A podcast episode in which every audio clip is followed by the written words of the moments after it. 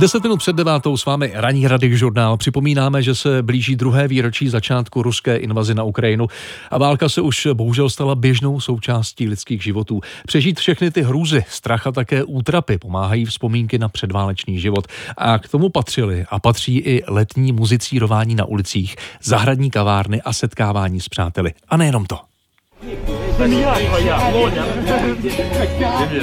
Horké léto minulého roku. Tady v Dnipru se zdá, jako by válka byla jenom filmovým přeludem, který zůstal uzavřený v sále na svět, zatímco na ulicích kypí úplně bezstarostný život.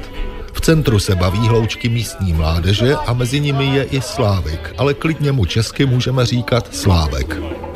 Jo, jsem studoval v češtině tři roky na Vysoké učení technické v Brně, ale když na Ukrajině сталася та революція, мусив jsem vrátit se na Ukrajinu a no, teď pracujeme тут, no, tady. Byl jsem v Харкові, але když стартувала та війна, мусив jsem přijít до Дніпропетровська. Привінте за мою шпатню чештину. Ну, уж, уж, уж, не, уж не млuvil sedm roky. Slávek je počítačovým analytikem a živí se tím, že vytváří mobilní aplikace.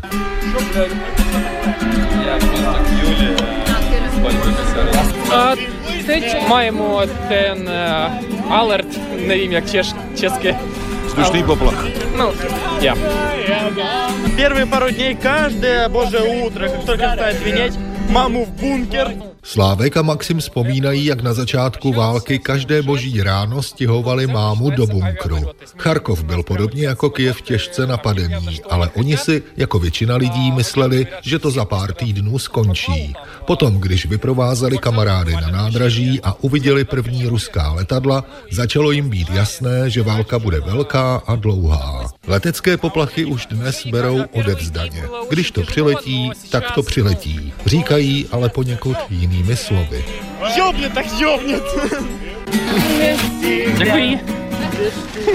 Loučím se z informatiky a vydávám se z Evropského náměstí na krásně upravené nábřeží Dněpru. Tam je v tomto horku přece jen o něco příjemněji a letecký poplach už skončil. Слава Україні! Для ЗСУ та ТРО, тому, друзі, приєднуйтесь. Na nábřeží mohutné a nádherné řeky Dněpr před stejnojmeným hotelem, ještě se starým nápisem Dněpropetrovsk, se koná dobročinná akce. Pořádá ji Asociace rodin padlých ukrajinských hrdinů a koordinační štáb pomoci ukrajinské armádě v Dnipru. Сьогодні ми своїм колективом штабу вийшли сюди. Dnes jsme sem se štábem přišli, abychom uspořádali dobročinný jarmark. Blíží se podzim a zima, armáda bude potřebovat generátory. Chceme vybrat co nejvíc peněz na další drony a plánujeme v jednom podniku spustit výrobu zimních uniform. Zároveň tu lidem předvádíme, jak vyrábíme maskovací sítě a pořádáme kurzy taktické medicíny.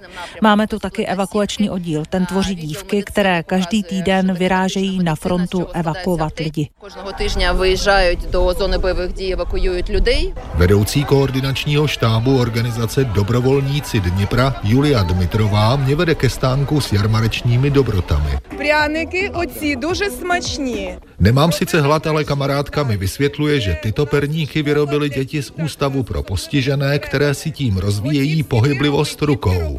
Dobrovolnice pak z výtěžku nakoupí nebo uší zimní oblečení pro chlapce na frontě. A těm se právě teď moc hodí. Zbrají košty na zimovou formu dla našich výzkových. Z Dněpra Martin Dorazín, Radiožurnál.